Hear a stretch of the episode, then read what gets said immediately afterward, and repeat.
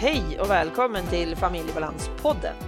Avsnittets gäst är Katarina och vi samtalar runt ämnen om autismspektrumtillstånd. Eller som det heter på engelska, Autism Spectrum Disorder. Familjebalanspodden görs i samarbete med Comicap, hjälpmedelsföretaget som vill genom mötet med människor förmedla kunskap, väcka nyfikenhet och visa på behovet av kognitiva hjälpmedel och sinnesstimulerande produkter. Du hittar dem på comicap.se. Ann-Katrin Noreliusson heter jag som driver den här podden. Jag arbetar ju med att förändra tillvaron för människor som har NPF i familjen och då särskilt där det finns OCD.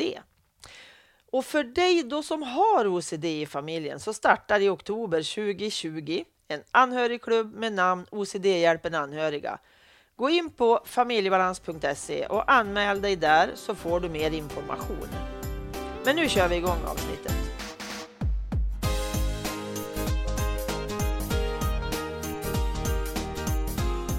Hej Katarina! Hej! Hejsan! Och välkommen! Med.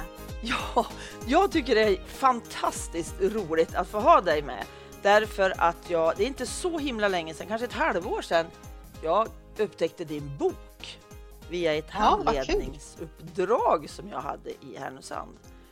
Ja, vad spännande, vad roligt! Mm, och det, du är så varmt välkommen hit till Familjebalanspodden. Tackar, tackar! Och först så vill jag att du berättar lite kort om vem du är.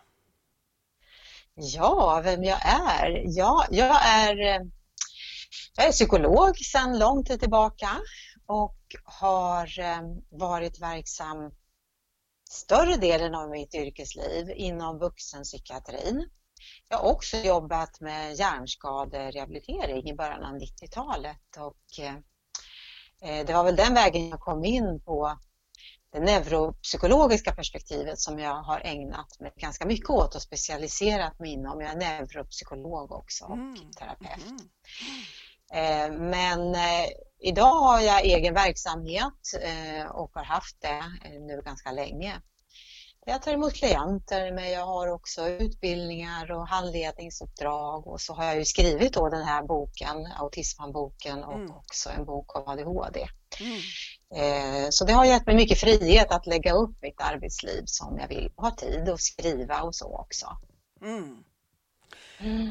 Och jag tänker då när du, vi kommer att prata om ämnen runt alltså boken och autism och delar i den för att jag tycker att den var en sån otroligt bra bok. Jag blev ja. Mm. jätteglad mm. när jag hittade den här och kunde inte begripa att det tog mig så många år att hitta den för den är tryckt 19 Nej, inte 1900, nu ska jag så gammal var den inte. Men 2014? 2018. 2018. 2018. Ja, Autismboken kommer 2018. Ja. Mm. Och jag tycker jag brukar ha rätt bra koll när det kommer nya bra böcker, men den här hade jag missat. Men jag är så glad ja. nu att jag har den i min hand. Så. Ja, vad kul att den nådde dig. Ja, precis. Och jag tänker så här att när, när en person får en autismdiagnos, Mm. Vad tänker du är det viktigaste och första man behöver göra då? Nu tänker jag då på vuxna i det här fallet. Ja, precis. Och det är ju mitt område kan man säga, ungdomar och vuxna är mitt mm. område. Ja. Eh, vad man behöver göra i första hand tänker du? Mm. Vad är steg ett? Liksom? Ja, steg ett är ju många gånger att få kunskap och förståelse för vad är det då eh, med mig som eh, skiljer sig från andra? Nu är det ju så att en del jag har ju utrett väldigt mycket i min dag och träffat många i uppföljning och behandling och stödinsatser och så. En, en del som kommer för utredning har ju tänkt väldigt länge kring det här och okay. väldigt goda insikter om sina fungerande. Ibland kan det till och med vara så att det kanske snarare är vården som inte har förstått att personen faktiskt behöver en utredning och, och verkligen har en funktionsnedsättning. Men eh, det är ju inte heller alls ovanligt att det är så att man faktiskt är främmande för eh, att man har de svårigheter omgivningen kanske ganska tydligt ser eller den som utreder eh, har kunnat identifiera att det är det här som är utmaningarna och det är nog därför du har ditt lidande eller ständigt krockar med omgivningen och uppfattar dem som eh, problematiska och eh, mm. provocerande och så. Mm. Och eh, där kan det ju variera att man har ganska lätt för att ta till sig, man känner fort igen sig i beskrivningarna man får. Mm. Eh, men, men eh, det kan ju också vara så att man inte har riktigt eh, möjlighet att se sig själv från en annans perspektiv om man har autism. Och då kan det också vara svårt att titta på sig själv med någon annans ögon. Alltså anhörigas ögon mm. eller Eh, det utredande teamets ögon och så mm. och förstå att det är så här jag kan uppfattas av andra. Och det, där tror jag man eh, har en ganska stor utmaning som utredare att försöka förmedla information och kunskap om var, vad svårigheterna består av. Vad är det som gör att det blir på det här sättet? Men det är otroligt viktigt Jätteviktigt att man tar sig den tiden, att man vinnlägger sig verkligen och förklarar på ett pedagogiskt sätt som blir begripligt för just den här personen. Mm. Att man kan mm. anpassa sig verkligen till den här personen. Mm. Ehm, det, det, tror jag, för att om man inte eh, förstår de här sakerna så blir det sen eh, det finns risk att det kommer in nästan som något slags krig. Alltså, nej, men autism ja. har jag ju inte.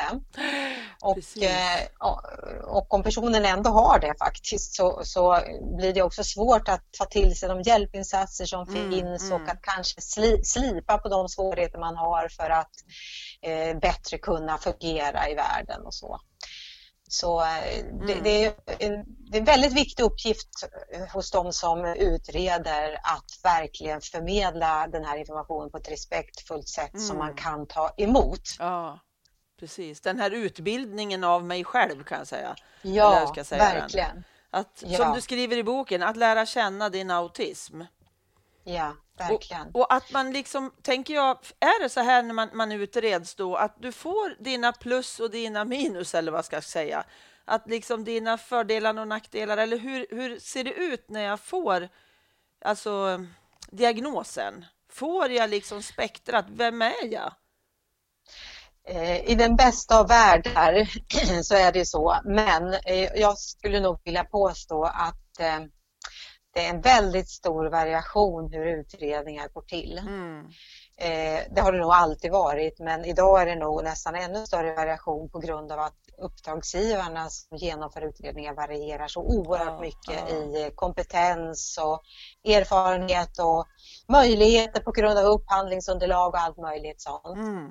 Så eh, det, det, ibland kan det vara så illa att man bara får träffa någon i 45 minuter och få veta vilken diagnos man har och så inte mer med det och sen Nej. får man lite standardiserade rekommenderingar om att ja, nu kan du vända till habiliteringen för det här och nu kan du söka LSS och så vidare. Så hej och, oh, hej, hej och lycka till. Oh. Mm. Så kan det faktiskt gå till men eh, i, de bästa, i den bästa av världar så får man ju en fin återgivning av någon som faktiskt också själv förstår. Ja och har, erfarenheter av vad det här är och hur det kan gestalta sig i någons vardagsliv, i de mm. vardagliga relationerna så att det inte blir för teoretiskt utan man verkligen kan förstå det här tydligt mm. och klart. Eh, och att man får tid på sig och att man får mer än ett besök, ett samtal oh. för det här. Kanske till och med att man får en eh, erbjudande av att delta i en grupp där man kan få lära känna sina svårigheter mm. Eh, mm. och lära känna eh, bekanta sig med strategier man kan använda och så. Det, det, det är det bästa förstås. Mm. Litteraturtips och så. Ja. Och jag mm. tänker så här, hur svårt det kan vara. Jag tänker bara mig själv när jag ska gå till doktorn och så går jag dit och så berättar doktorn någonting för mig och så när jag kommer hem så frågar de, ja men vad sa han då? Eller hon. Ja, ja säger jag, inte fasiken minns jag det. Och då är det väldigt Nej. lämpligt att man kanske har med sig någon tänker jag, som kan hjälpa ja, en att komma ihåg. Ver verkligen. Någon som inte liksom står i centrum. Kanske en anhörig, ja. en kompis, en sambo, partner. Tänker ja. jag, att man ska inte gå själv på sånt där. Det, det är nog väldigt klokt. Jag eh, brukar göra så att första återgivningssamtalet som jag kallar det efter mm. en utredning så vill jag träffa den som var min klient själv. Mm. Därför att jag vill ge personen möjlighet att själv avgöra vad anhöriga, vänner eller så ska få ta del av. Mm. För det varierar lite grann. Mm. Och sen erbjuder jag eh, ett besök där de, där de personerna de vill ta med sig ja. får följa med mm. till mm. mötet så att säga. Mm. Då kan de lägga upp det själva och känna att de har kontroll. För kontroll brukar vara en viktig faktor mm. om man har autism. Att man känner att man själv kan styra situationen och då kan man göra det. Mm. Eh, det, det, kan ju bli väldigt problematiskt om man eh, till exempel råkar olyckligtvis ha en familj eller en partner kanske som är lite fördomsfull eller intolerant och så får man där reda på svårigheterna och så blir det liksom fel. Mm. Alltså det blir trassligt i relationen mm. utan mm. man själv kan välja. Men mm. naturligtvis eh, underlättar att någon är med. Jag tänker också man ska ju alltid få ett skriftligt dokument mm. med sig som, mm. som jag själv kan förstå och läsa som, eh, som som patient så att säga. Ja, i lugn och ro, eh, precis. I lugn och ro och att man som utredare illustrerar, man kan rita, man kan skriva, man, och det här kan ju patienten få fota av och, och ta med sig hem som, som liksom minneshjälpmedel för att kunna själv tänka kring det och själv berätta för dem man vill berätta för. Mm. Händer det att någon frågar om de får spela in det där återgivningssamtalet då efter... Ja visst, ja. visst det händer ju och det får de ju naturligtvis göra. Eh, även om jag förstås alltid säger att det är bara för, för ja, att ja. Eh, du ska kunna komma ihåg det här och så. Men eh, absolut, det, det, är inte alls ovanligt. Ja, för jag tänker det, det är i många fall så blir det väldigt Eh, nu ska jag sticka ut hakan lite. På, på, en del, på en del mottagningar och psykiatriska mottagningar vill man absolut inte spela in. Och egentligen så har jag ju rätt att göra det så länge jag med, själv med, är med i samtalet. Och ja, det, ja. det, här handlar om mina anteckningar. Att jag kan inte mm. ta anteckningar skriftligt, för det hinner jag inte med. Då kan jag inte tänka Nej. samtidigt. Nej, Då behöver precis. jag ju få spela in. Ja, visst. Och jag tror att det är få som använder dem också till något annat än sitt eget faktiskt. Nej, det tror jag verkligen också. Eh, men det har ju hänt ja, och, det är ja. väl det som jag tänker professionella kan ju ibland bli oerhört utsatta ja. och det har ju hänt att man har tagit en inspelning ur sitt sammanhang och sen har det använts i helt mm. andra syften. Mm. Men jag tänker att det är extremt ovanligt. Och har man en förtroendefull relation mellan Eh, den professionella och eh, patienten så tänker jag den risken är väldigt, väldigt, ja. väldigt liten. Den ja. är försumbar så att jag tror verkligen man kan vara generös med att låta ja. personer spela in den här typen av eh, information som man ju får och samtal. Ja. För många gånger behöver man lyssna på det igen tänker jag för att. Det går inte in den där första stunden liksom, eller då Nej. när man sitter på det där samtalet. Nej, visst är det så. Mm. Nej, men och sen mm. tänker jag också anhöriga då, inte i fråga om inspelning kanske, det kanske de kan lyssna på sen, men det var inte det jag tänkte på nu, utan just att anhöriga behöver ju också den här education i det här, alltså utbildningen i vad är autism hos ja, min närstående. Ja, och ibland kan ju anhöriga faktiskt behöva egna eh, samtal mm. där, där den som är då utredd inte deltar. Och det kan ju låta konstigt men, men, ibland så kan man som föräldrar till exempel behöva få ställa sina egna frågor mm. utan att eh, vad ska jag säga, eh, man, som förälder är man ju naturligtvis otroligt mån om att inte säga någonting som ens barn kan ta illa upp av. Och det är ju aldrig det som är syftet men man kanske har sina frågor och funderingar och vill bli ja, lugnad mm. och eh, vill inte belasta sitt barn med de här funderingarna. Då tycker jag att man bör få den möjligheten. Mm. Absolut. Mm. För jag tycker många gånger att anhöriga kan vara en sån tillgång runt personen ja, för att vi, vi, vi blir ju liksom anhöriga eller föräldrar så länge. Ja, vi har oron och vi har omtanken och den liksom går ja. så långt utöver, tänker jag, än om jag hade haft ett alldeles vanligt barn, om jag säger så, ja, utan alla de här funktionsnedsättningarna. Där kan jag slappna av mellan varven. Det gör jag ju inte när jag har ett barn som har det svårt. Nej.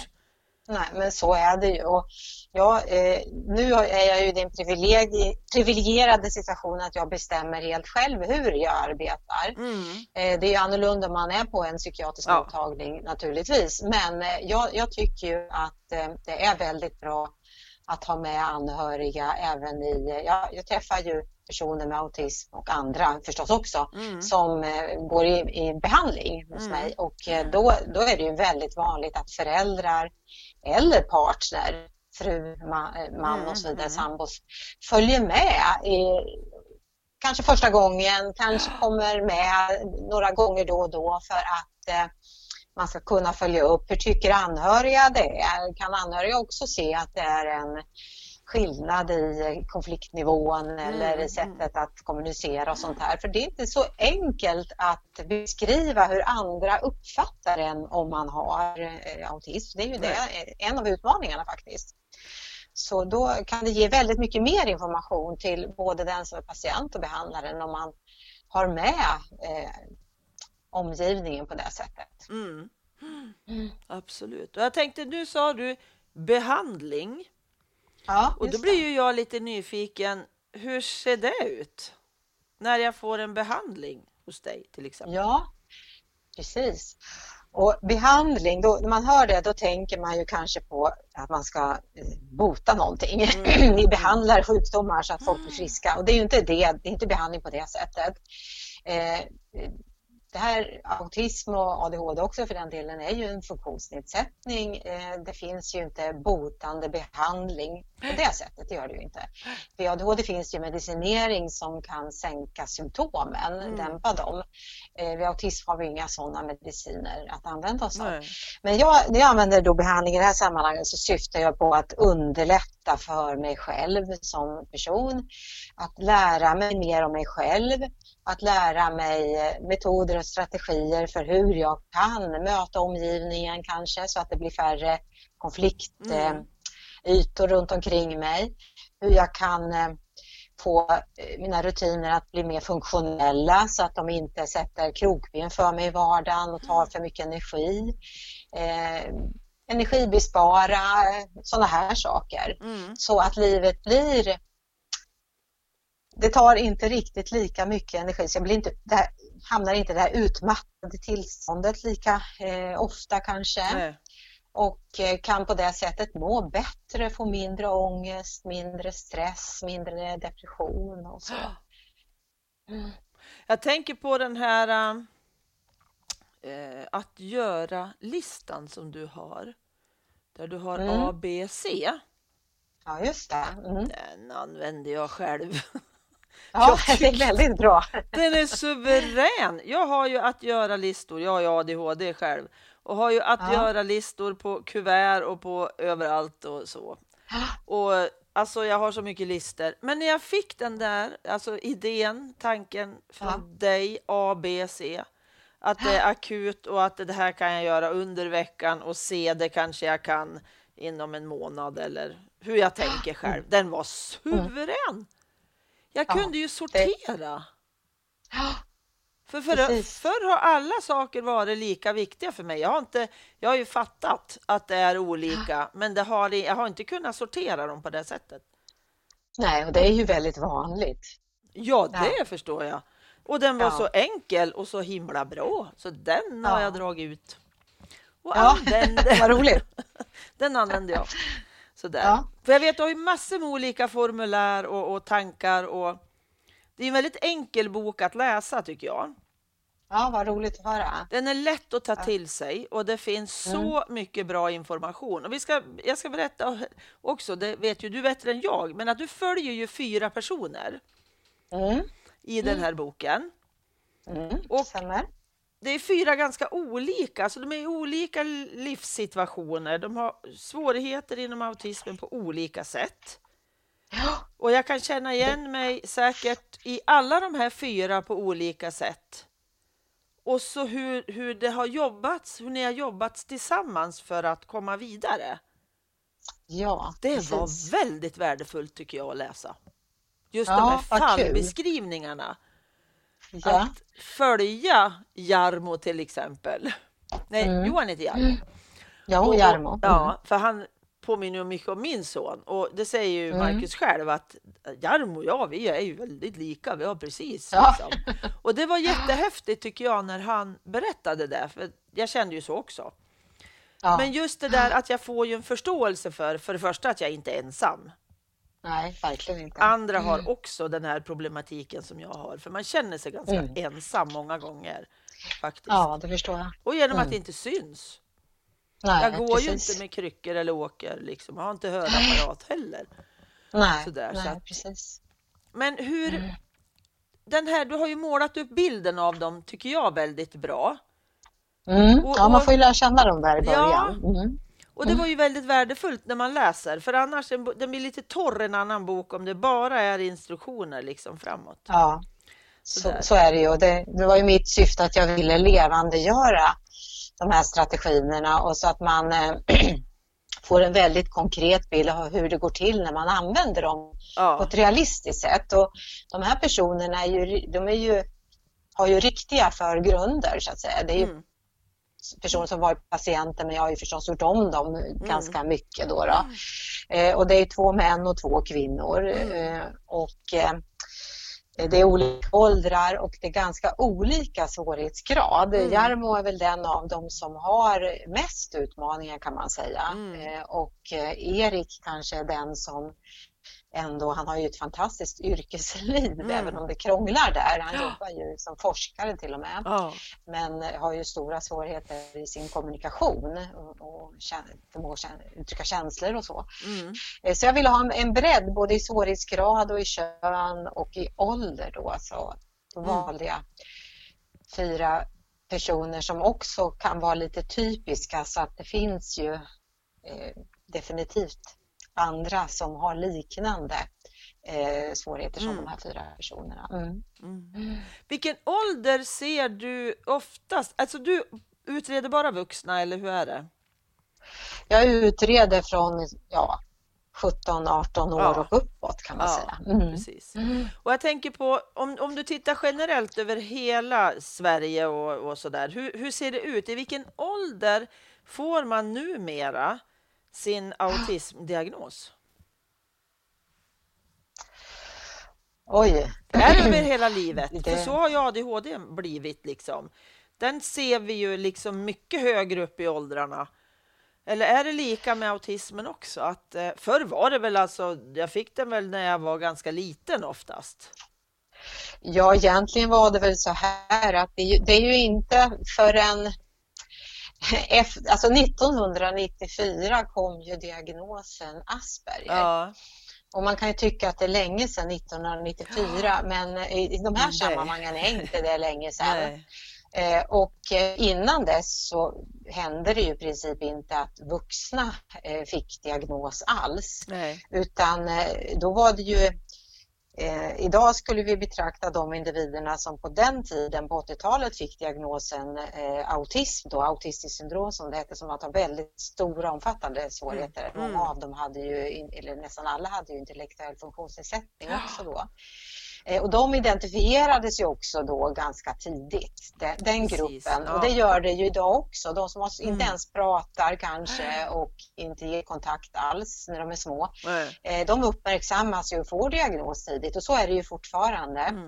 Men gruppen som har eh, en eh, säga, problematiken ser annorlunda ut. De har sina svårigheter men de har en normal begåvning Mm. och de utvecklar ett språk och så.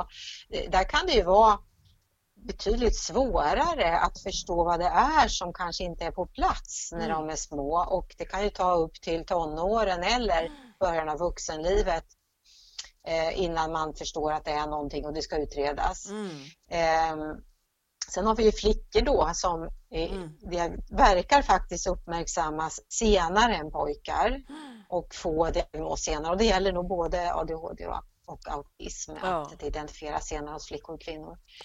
Eh, Men alltså, jag vågar nog inte säga hur det är på nationell nivå överallt, men, men min bild är ändå att eh, det finns, jag tror det finns olika eh, punkter i, i en människas, eller i åldern av en individ där det bli mer, fler personer som diagnostiseras. Mm. Dels i samband med skolstart, Mm. därför att helt plötsligt så ställs det ju nya krav på en person Mm.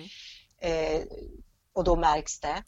Sen i samband med bör, början av gymnasiet kanske, därför att det, den övergången är i- oerhört stor och Mm. krävande. Där är det ganska många som eh, dels inte får behörighet men dels börjar och inte kan hantera situationen. Och sen en stor grupp som de kanske har klarat gymnasiet hyggligt, alla betyg är kanske inte på plats men ändå. Men sen Mm. upphör allt strukturerat Mm. och då faller man så att säga ur samhällets färdiga strukturer Mm, och det finns, mm. ingenting, det finns ingenting som händer att ta vid. Och så fastnar man där. Jarmo har ju gjort det i boken. Han, Ja. han fastnar ju efter gymnasiet och eh, har inte själv förmågan att förstå vad som krävs av honom, vad livet förvänt, alltså vilka förväntningar livet Nej, har på nej. honom. Och han tar inte vid för han, han förstår inte det här. Han kan inte se det helt enkelt. Han är Nej. färgblind för det här. Och eh, föräldrarna försöker men har också svårt att veta vad de ska göra, vad det kan vara för någonting. Så det Mm. tar ju sin tid innan man Mm. får eh, hjälpinsatser. Mm. Så, att, Nej, men och sen så tycker så jag... tycker alltså, jag att det kan se ut. Ja, och jag tänker det här när vi bytte eh, 2013 var det då, du fick en ny DSM-5 Ja, just det. Mm. och eh, då försvann ju Asperger ur alltså själva diagnosbiten. Så, den, de som har Asperger har ju Asperger. Man tar ju inte bort Ja, deras diagnos. precis. Men då Nej. blev ju allt autism 1, 2 eller 3. Ja, just det. Men ofta Mm. så pratar man ju om autism, inte om vilken grad du har. Och det kan vara lite förvirrande ibland tycker jag. Att jag inte... Jag tyckte Asperger var ganska bra, för det talade om att det är en högfungerande person med autism. Ja. ja, verkligen. Och jag Men det är ju väldigt missvisande att prata om autism som det är väl Som samma ett- sak. Ja, men precis. Ja. Man kan ju bo på ett gruppboende och i princip sakna språk fullständigt och ha autism. Och man Ja. kan ju som Erik i min bok Ja. faktiskt eh, befinna sig på ett universitet och ändå ha autism. Ja, Även om det är förstås extremt ovanligt, men det kan ju förekomma. Va? Så, nej, så är det ju. Och, och Asperger är väl i, idag så får ju de personer som tidigare skulle få diagnosen Asperger får väl i, nästan i alla fall då diagnosen autism eh, grupp 1 eller Ja. nivå 1 Ja. så att säga. Det är väl det vanligaste i alla fall. precis. Ehm, och eh, faktum är ju faktiskt att i den engelskspråkiga manualen DSM är ju en amerikansk Mm. manual, det får man inte glömma heller. Den är ju väldigt präglad Mm. av det amerikanska eh, välfärdssystemet och det är uppbyggt med försäkringar och annat. Mm. Och eh, där heter det ju inte autism utan eh, autismspektrumtillstånd, Mm. eh, autism spectrum disorder. Eh, men i Sverige av någon anledning som jag inte riktigt kan förstå så valde man att bara kalla det för autism. Mm. Pro- eh, Fördelen med att kalla det spektrum är att det blir tydligare att det är ett Ja. spektrum.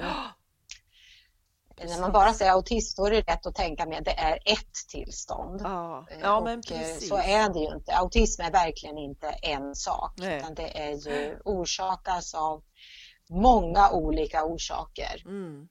och det kan skilja sig ganska markant åt från en individ till en annan. Ja. Jag byter sätt att tala från och med nu. Jag ska ta med spektrum hädanefter när jag pratar om autism. Helt Ja. klart, för det behöver vi göra tycker jag. För jag har, blivit, jag har varit jättestörd på det här. Och det är få Ja. som vet om att det finns, alltså kallas nivåer 1, 2, 3. Vilket gör att Ja, det är blir- nog bara de som har diagnos eller de som Ja. diagnostiserar som vet det. I allmänhet så pratas det ju aldrig om det. Nej, så det behöver vi visst. bli bättre på tänker jag. Så jag ska börja med det. Mm. Ja, Det tror fångar bra. jag, direkt. Ja, och det är ju korrekt för ja, men det heter så i den engelskspråkiga Ja. världen. Så att säga. Men exakt. Men vad tänker du runt yrken? Vad ser du för yrken om man nu jobbar och, ha, Ja. och har någon autismspektrumdiagnos? Ja. Va, vad ser du för något? Var hamnar jag? Många skulle jag tro inte har ett yrkesliv, i alla fall inte på heltid.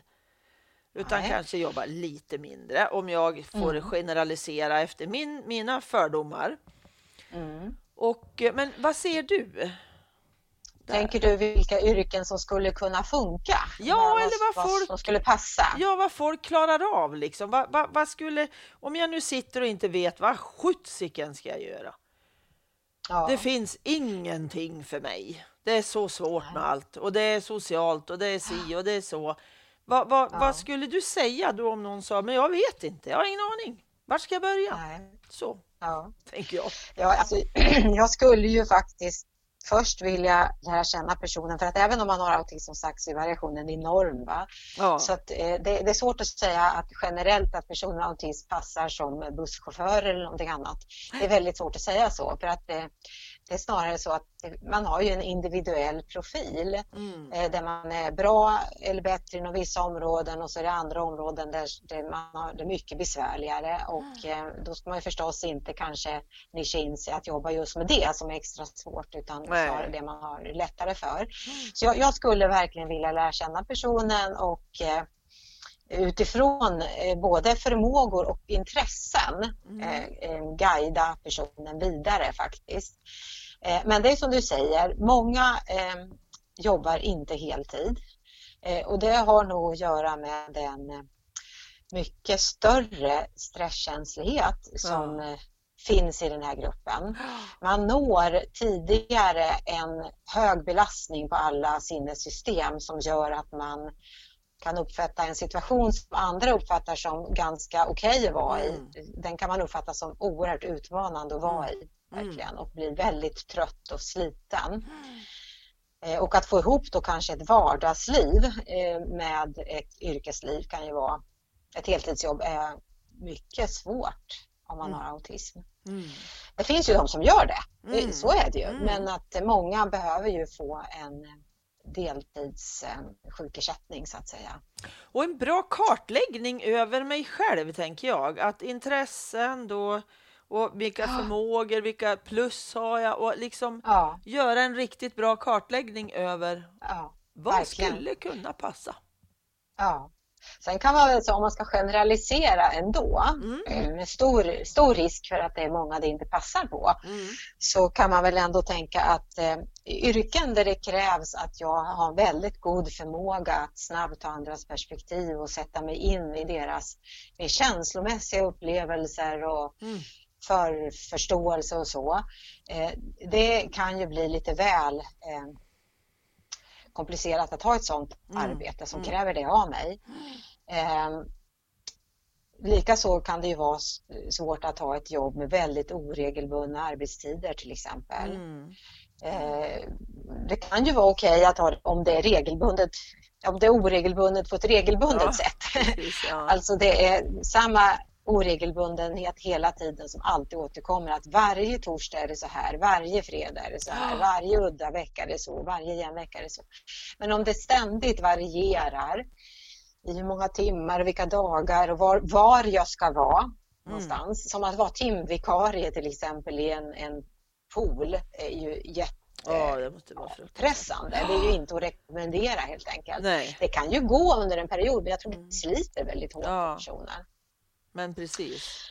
Ja, och eh, jag tänker också att man har möjlighet att få arbetsuppgifter som man eh, kan, att man vet eh, faktiskt vad man ska göra och att man har mm. upplevelsen att jag, jag kan kontrollera situationen, jag kan det här, jag behärskar det här och inte helt plötsligt få höra att Nej, men nu så ska vi använda det här systemet eller göra på det här sättet.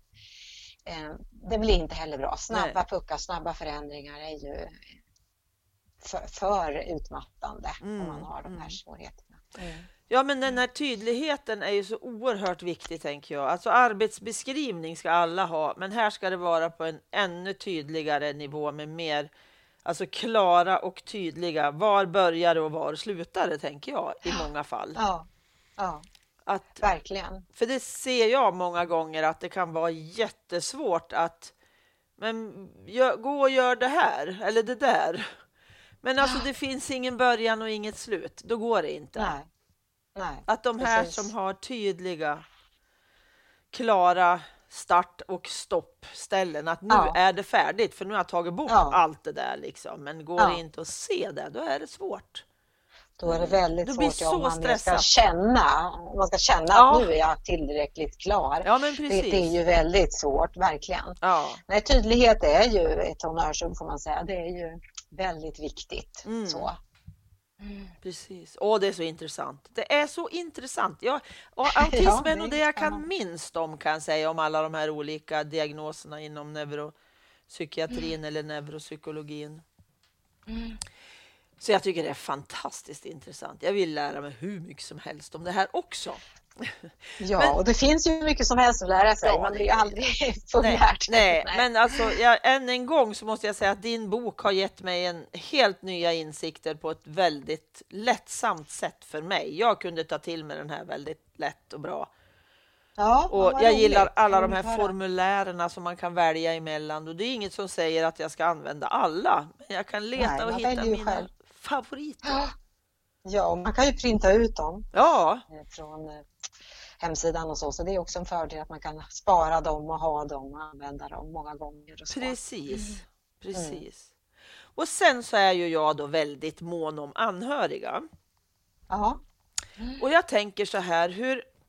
Vi har ju pratat en del om anhöriga också och eh, att få ta del på något sätt och att av utredningen kanske, men det, allt är ju upp till den som har diagnosen. Alltså individen med diagnos får ju bestämma. När den är vuxen så Ja. bestämmer ju den, nej mamma och pappa Ja. får inte veta. ja. Eller mamma och pappa får väldigt gärna vara med och vara mitt språkrör. Alltså där har ju individen ett helt tydligt... Det är väldigt klart och tydligt vad som gäller. Ja. Men som förälder kan man ju också vara... Alltså man kan ju visa sitt intresse för sin vuxna unge. Att hur är det för dig? Och hur blir det nu? Och hur... Ja. Lite sådär tänker jag. För att jag vet inte riktigt hur jag ska uttrycka mig, men jag tänker att en, en, ett nyfiket, kärleksfullt samtal kan aldrig Mm. bli fel. Nej, det tror jag inte. Eh, Du tänker på hur man ska kunna som anhörig stötta sitt Ja, vuxna barn? Ja, men precis. För många Mm. av, av... Jag träffar ju också föräldrar som är i 80, 90 snart års åldern som Mm. har barn med, alltså tvärvuxna barn. De är alltså 50-60 år. Ja, visst. Ja. Och där den, den anhörige säger att jag kan inte dö, för jag är det enda Nej, stödet. precis. Ja. Jag får inte dö. Jag måste hålla Ja. mig frisk för min 50-åriga unge. Och det är ju fruktansvärt tycker jag. Ja, det, det måste vara en väldigt, väldigt press. Ja. Och, eh, jag känner igen det där och eh, särskilt kanske just nu de som är i eh, 50-60-årsåldern när de var unga så att säga på 60-70-talet så fanns det ju ingen kunskap om det här alls. De, eh, om man tänker de som idag skulle ha en Asperger-diagnos eller autism på nivå 1, de har ju inga diagnoser överhuvudtaget Nej. utan de har ju snarare levt ett liv i utsatthet och utanförskap Ja, och otroligt misär. isolerade eh, är ju väldigt många. Sen finns det ju de som förstås har också haft familj men Absolut. kanske ett lite annorlunda liv. Men Mm. eh, det finns ju verkligen en grupp individer som är väldigt ensamma och utsatta Mm. och inte har kommit in heller i välfärdssystemet Därför att dels var det inte utbyggt på det sättet på den tiden och sen var de redan vuxna när LSS-lagen kom och så vidare, Mm. 94 och eh, har liksom levt ett parallellt spår. Mm. Eh, en del av dem har ju kontakt med psykiatrin för de har psykisk ohälsa, annan psykisk Mm. eh, samsjuklighet så att Mm. säga och fått kontakt den vägen. Men det finns ju de som inte har någon kontakt utan helt och hållet bara har sina föräldrar. En del bor ju faktiskt fortfarande hemma hos sina Ja. föräldrar också. Och hamnar hemma Eh. emellanåt, tänker jag. Hamnar tillbaka hem, har ett eget Ja. boende, men med jämna mellanrum så måste jag liksom hem, för jag klarar mig inte. Ja. Och vill precis. inte ha hjälp heller kanske, för att nej, Nej, jag vill nej. inte ta hjälp av någon annan än mamma eller pappa. Nej. Och det blir tungt. Det där är-. Det är väldigt svårt för att, ly att lyckas där. Så, så dels så tänker jag så som du är inne på här att man som förälder behöver ha en eh, respektfull och inkännande eh, ton i samtalen Mm. när man nyfiket försöker förstå hur personen har det, Mm. vad det är som eh, eller något man vill ha hjälp med? Kan man tänka sig någon form av förändring, någon form av eh, hjälp från någon annan än just mamma och pappa mm. och hur skulle det här kunna se ut? Att försöka få till sådana samtal. Där kan ju till exempel böcker vara en, en ingång där eh, den som då har autism får läsa i sin egen takt och, mm. och, kunna känna efter om man känner igen någonting eller det här känner jag igen, det här känner jag inte igen, det här låter mm. intressant, det här är inte intressant. Eh, för när man läser själv, då bestämmer man helt och hållet själv mm. vad man ska ta in. Så det, det, kan ju vara en inväg. Att lyssna på sånt här som din podd mm. kan, ju, kan ju vara någonting. Att väcka frön, att det finns möjligheter och så. Mm.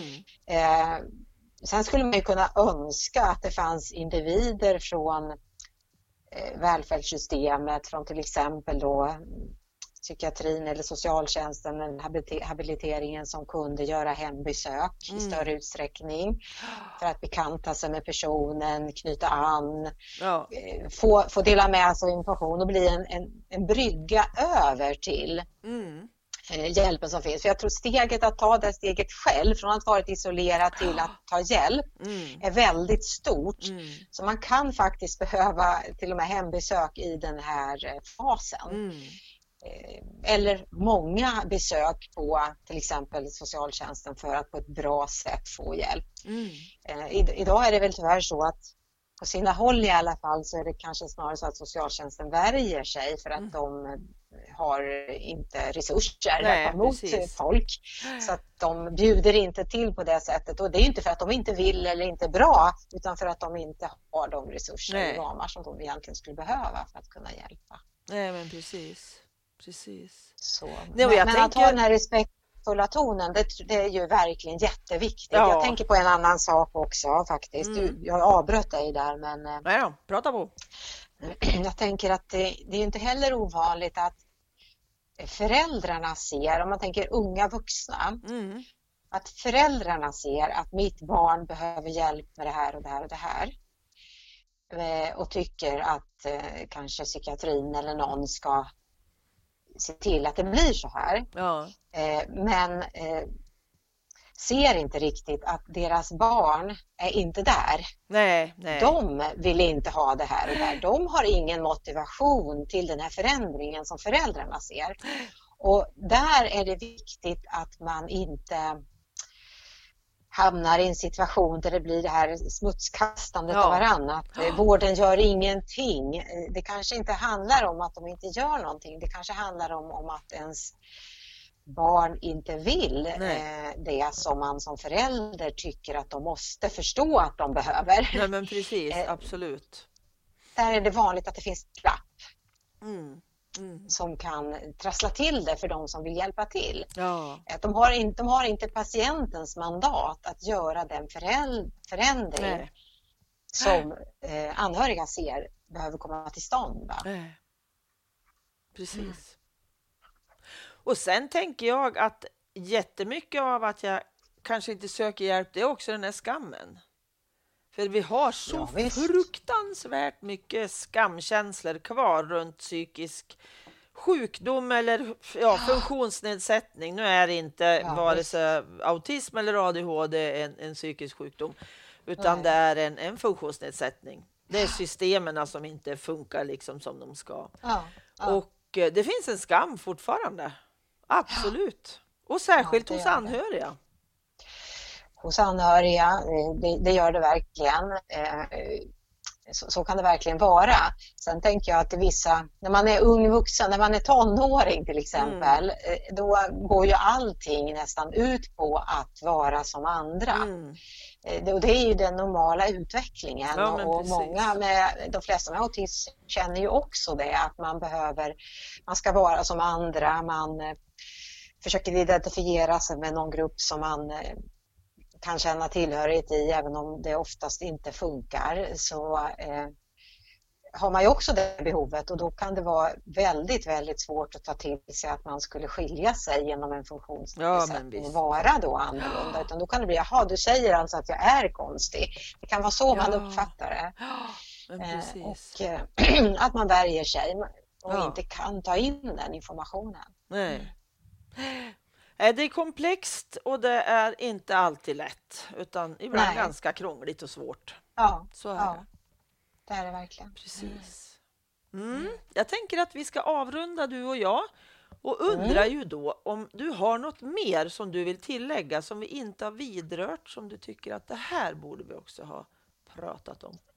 Kanske någonting om skolans värld eh, Mm. där eh, jag tänker att eh, som skolan har varit organiserad, eh, som betygssystemen har sett ut, Mm. eh, inkluderingen som har varit norm sedan i alla fall 2011 Mm. så har eh, skolan inte blivit en skola för alla, Nej, vilket den ska vara Ja. egentligen. precis.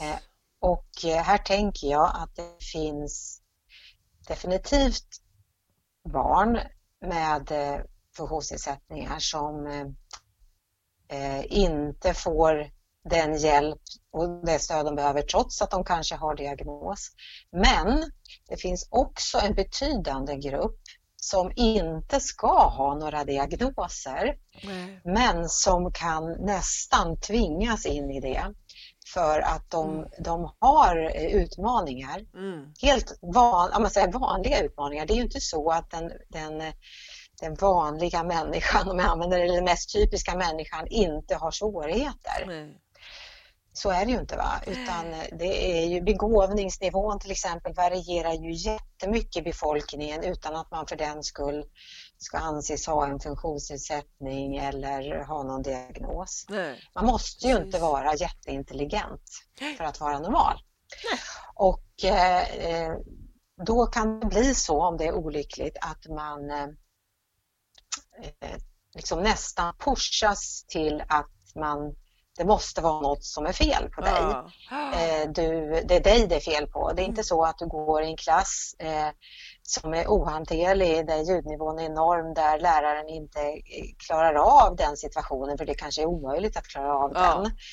Eh, och eh, ja, många andra saker. Eller att målen i, eh, i betygskriterierna är fullständigt orealistiska att uppnå för en 13-åring. Mm. Så. Eh, som inte är väldigt begåvad och har föräldrar som akademiker och så. Eh, Precis. Och jag tänkte och bara... där finns det ett stort problem. Ja, och jag tänker på det här också att mognaden är ju lägre. Alltså om jag är 13 år så kanske inte min mognad är som en 13-åring. Om, om jag ligger i det här eh, spektrat utan att jag kanske får en diagnos. Nej, visst. Så kan och jag ju liksom, varierar ju hos Ja. personer. Visst, Po- pojkar är ju kanske i genomsnitt två år efter i eh, mognad Ja. mot flickor. Så. Eh, vilket man nog också måste ta mer hänsyn till. precis. Det Jätteviktigt. här har ju inte specifikt med autism att göra utan det kanske har mer med, jag tänker att eh, vad, vad är normalt? Mm. Var går gränserna för normalitet? Ja, Hur får man vara utan att man ehm, ska börja tänka i termer av att det är någonting som ska få en diagnos? nej, Det, där är, det är ett område jag tänker också är väldigt Ja. viktigt att de här gränsdragningarna är viktiga också att ja. belysa så. Ja, att hela vårt mänskliga spektra är så brett. Och vi Ja, har verkligen. så många saker som vi inte är så bra på och väldigt många som vi är väldigt bra på. Att vi är ganska eh, komplexa och skeva allihopa egentligen. Ja, det är nog ganska normalt Ja. att ha eh, saker som inte funkar på bästa möjliga nivå. Jag, Mm. jag tror snarare det är det som är det normala. Mm. Och att det är rätt ovanligt att människor eh, är väldigt så, har lätt för allt och har lätt att koncentrera sig i alla sammanhang Mm. och aldrig känner sig utanför eller ensamma och så. Jag tror att det är väldigt ovanligt faktiskt. Mm.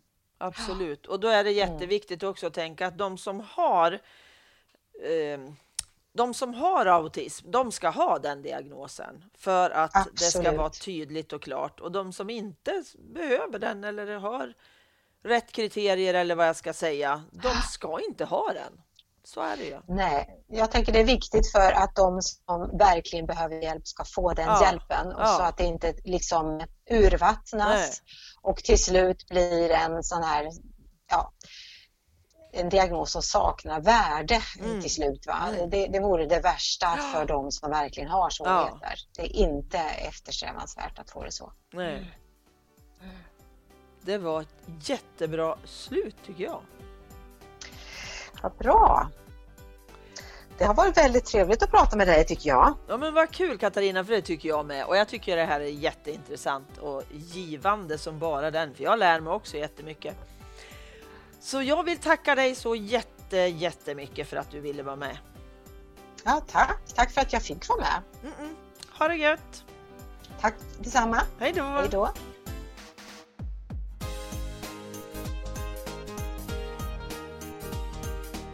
Boktipset. Det är ju såklart Autismhandboken som Katarina har skrivit. Katarina som vi precis har lyssnat på i det här avsnittet. Och Autismhandboken riktar ju sig till dig som är vuxen och har högfungerande autism, Aspergers syndrom eller autistiska drag. Den ger ju alltså konkreta strategier som hjälper att utveckla din kommunikation, underlätta relationer, be om hjälp, hantera känslor, klara av förändringar, organisera vardagen bättre och en himla massa bra övningsformulär. Tack för att du lyssnat. Tack till Pelle Zetterberg för musiken, Pernilla Wahlman som fotade, Marcus som fixade poddloggan och till Anders för att du redigerar mitt prat. Och tack till Comicap för samarbetet. Och tusen tack till dig som går in och skriver recensioner. Jag blir jätteglad om jag får en recension av dig där, för det gör att jag syns tydligare. Tack och hej, hoppas vi hörs igen.